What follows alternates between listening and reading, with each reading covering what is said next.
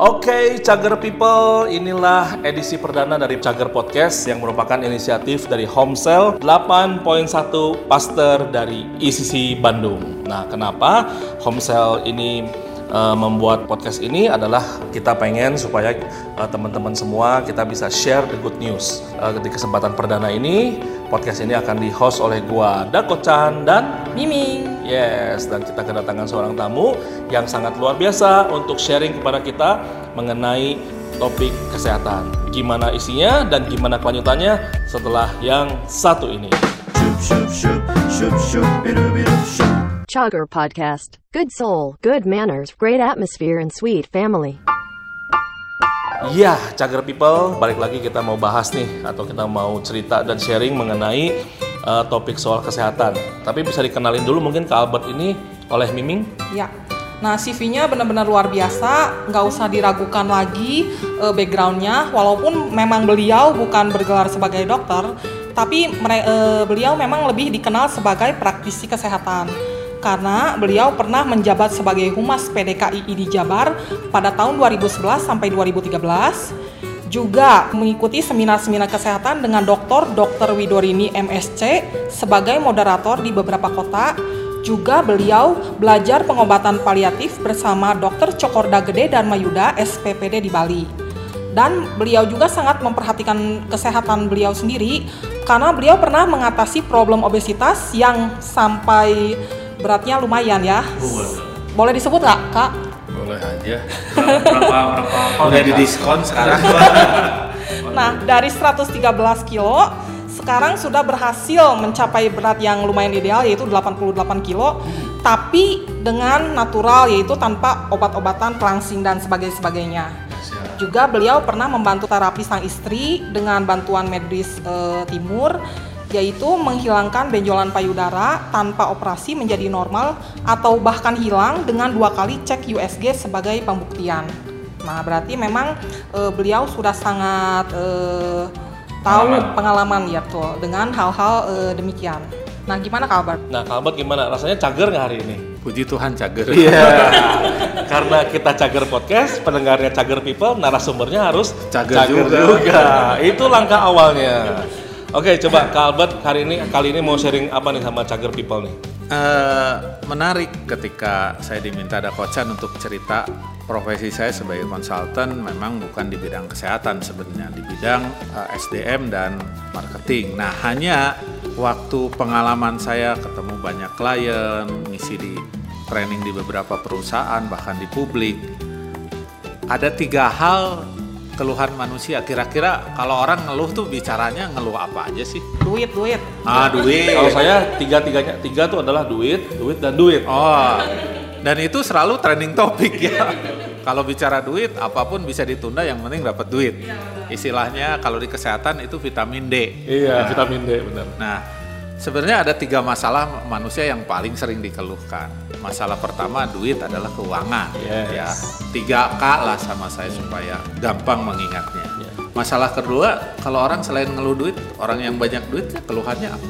anak, family. Yeah. Oh, nah itu masalah keluarga. Yeah. Aduh, gua pusing nih. Katanya makin banyak duit makin deg-degan, nggak happy. Ya? Kan bingung happy kenapa? Ya? Bingung ngobisinnya. Tidak sedikit kan yang orang tua akhirnya kebingungan karena banyak duit dan yang repotnya ngatasi anak-anaknya yang ribut gara-gara warisan orang oh, tua oh, kan. Itu banget banget, Dari zaman jebot ya sampai ya, sekarang ya. itulah masalah keuangan. Saya bilang kedua adalah masalah keluarga. Ya, ya, Kalau yang saya dengar kan misalnya, wah dia kaya tapi ternyata anaknya akhirnya jadi pecandu narkoba ya itu masalah keluarga. Benar, benar, benar, Atau ya. dia kaya secara keuangan tapi tiba-tiba gara-gara kaya suaminya selingkuh. Nah itu masalah keluarga juga kan. Ini salah doa ya. Wah, saya nggak ngerti deh. Bukan salah doa, itu salah jurus. Salah jurus. Salah asuhan kalau ada karya Marah Lusri. Nah, nah, ada juga masalah ketiga adalah masalah kesehatan. Nah, masalah kesehatan, nah, yaitu masing-masing orang kan udah tahu sama tahu kenapa sih kita memilih topik masalah kesehatan. Ya, ya. Ya. Yuk kita bahas secara sederhana dan singkat. Kalau orang punya masalah keuangan, katakanlah supaya gampang dibayanginnya orang punya utang. wah saya mah insomnia langsung kok. Nah, begitu dengar orang punya utang, sebenarnya masalah ma- masalah ini bisa diambil alih nggak? Bisa. Contohnya Di- gimana? dibayarin sama teman utang. Oh, itu kan diambil oh, alih. itu mah bersyukur banget. Ada nggak di teman homesel kita yang mau Oh bayarin? iya. Nah, contoh gini lah.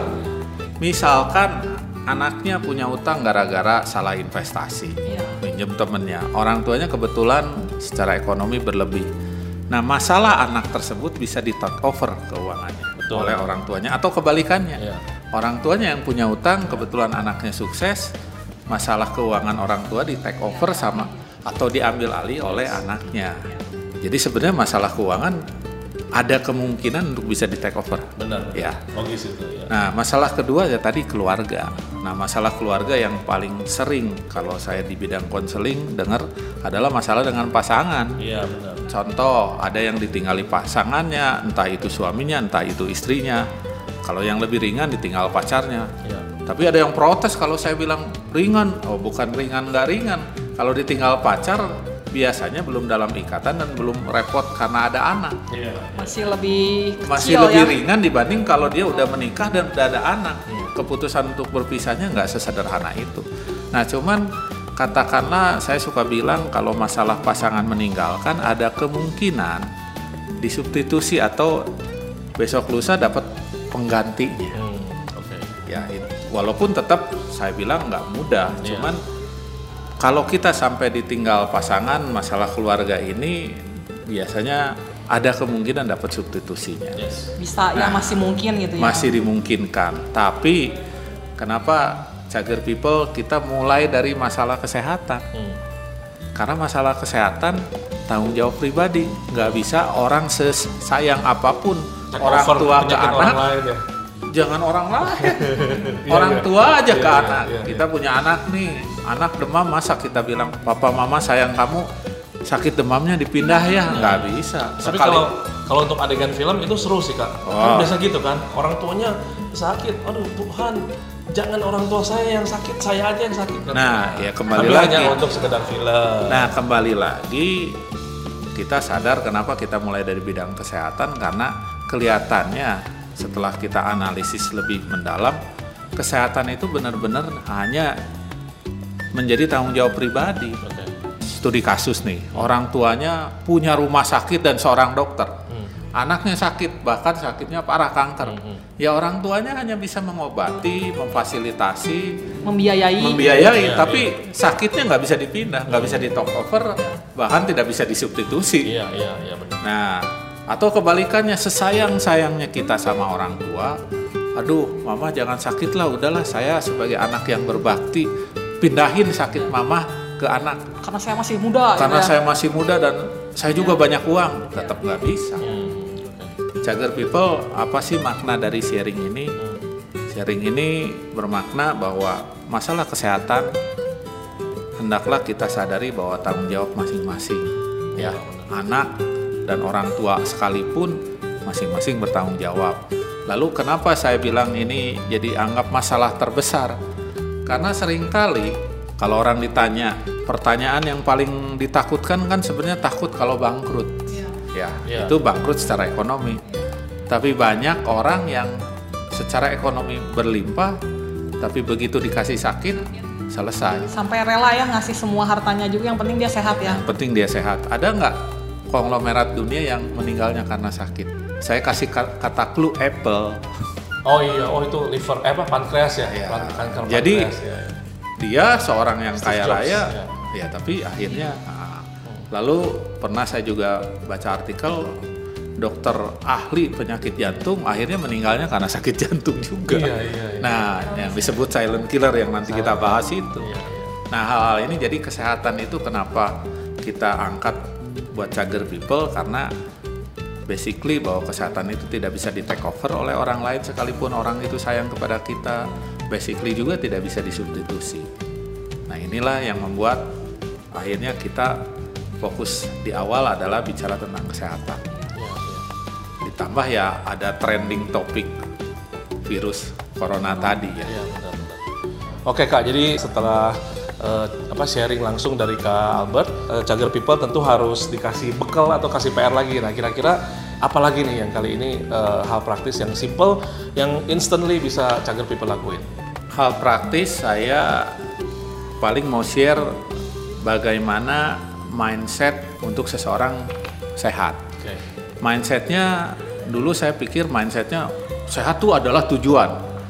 Tapi sering kali yang terjadi setelah tujuan sehat tercapai orang jadi seenaknya karena merasa udah sehat, cek darahnya udah normal, ah asik bebas. Jadi lalai ya. Jadi bebas. Nah, jadi akhirnya setelah saya amatin, saya seminar kesehatan juga dan saya melihat diri saya sendiri, mindset yang harus dimiliki untuk orang menjaga kesehatan adalah mindset seorang investor. Hmm, Nah, maksudnya gimana nih kak? Nah, contoh gini, kita berdua nih punya mobil, katakanlah Innova. Nah, saat ini kita berdua punya bonus nih, dan bonusnya cukup untuk kita upgrade dari Innova jadi Fortuner.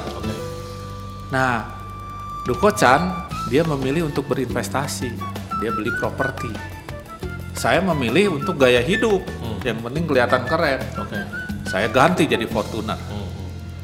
Nah, waktu hari H tadi yang lebih gaya siapa? Yang Fortuner. Yang Fortuner, kan? Kelihatan langsung kan. Karena Dukocan memilih investasi. Tapi 10 tahun kemudian saya cuma punya Fortuner bekas. Fortuner yang udah usianya 10 Ah, tahun ya. tapi Dukocan propertinya naik sekian kali lipat. ya. Nah, waktu melakukan investasi orang kelihatannya nggak nyaman atau kurang kurang oke lah karena Iya. nggak kelihatan. Kurang santai ya menjalani Ya, hidup. sama. Kesehatan juga harus berpikir begitu. Jadi ada orang yang jaga pola makan dengan yang tidak pola makan. Tujuannya nanti lihat 10 tahun lagi. Nanti lihat ketika dia punya cucu. Yang satu merepotkan anak-anaknya karena kena stroke. Iya. Yang satu Masih bisa main ya. malah lari-lari sama cucunya. Nah, pola pikir investasi ini yang kita tanamkan kalau kita mau sehat. Karena pola pikir inilah yang memungkinkan kita bisa konsisten, kita bisa persisten untuk menjaga kesehatan. Yes, nah itu Cager People udah denger ya, keren banget eh, tips dari Kak Albert. Jadi kalau kita bicara sehat, itu bukan cuma bicara satu hal yang sifatnya eh, destination atau satu kali atau tujuan ya, tapi sebuah investasi di mana investasi itu bicara soal waktu dan jangka panjang. Oke. So, thanks Cager People for listening. Cager Podcast ini merupakan inisiatif dari Homesell 8.1 Pasteur dari ICC Bandung yang didukung oleh Monsoon Cafe di BTC. Jangan lupa, Cager itu artinya cakep secara spiritual, good attitude, aktif, dan juga rukun atau kompak. Misi kita melakukan ini adalah mau share the good news. Kali ini bersama gua Dako Chan dan Miming. peace out, keep smiling, and God bless you all. Bye-bye. Chugger Podcast. Good soul, good manners, great atmosphere, and sweet family.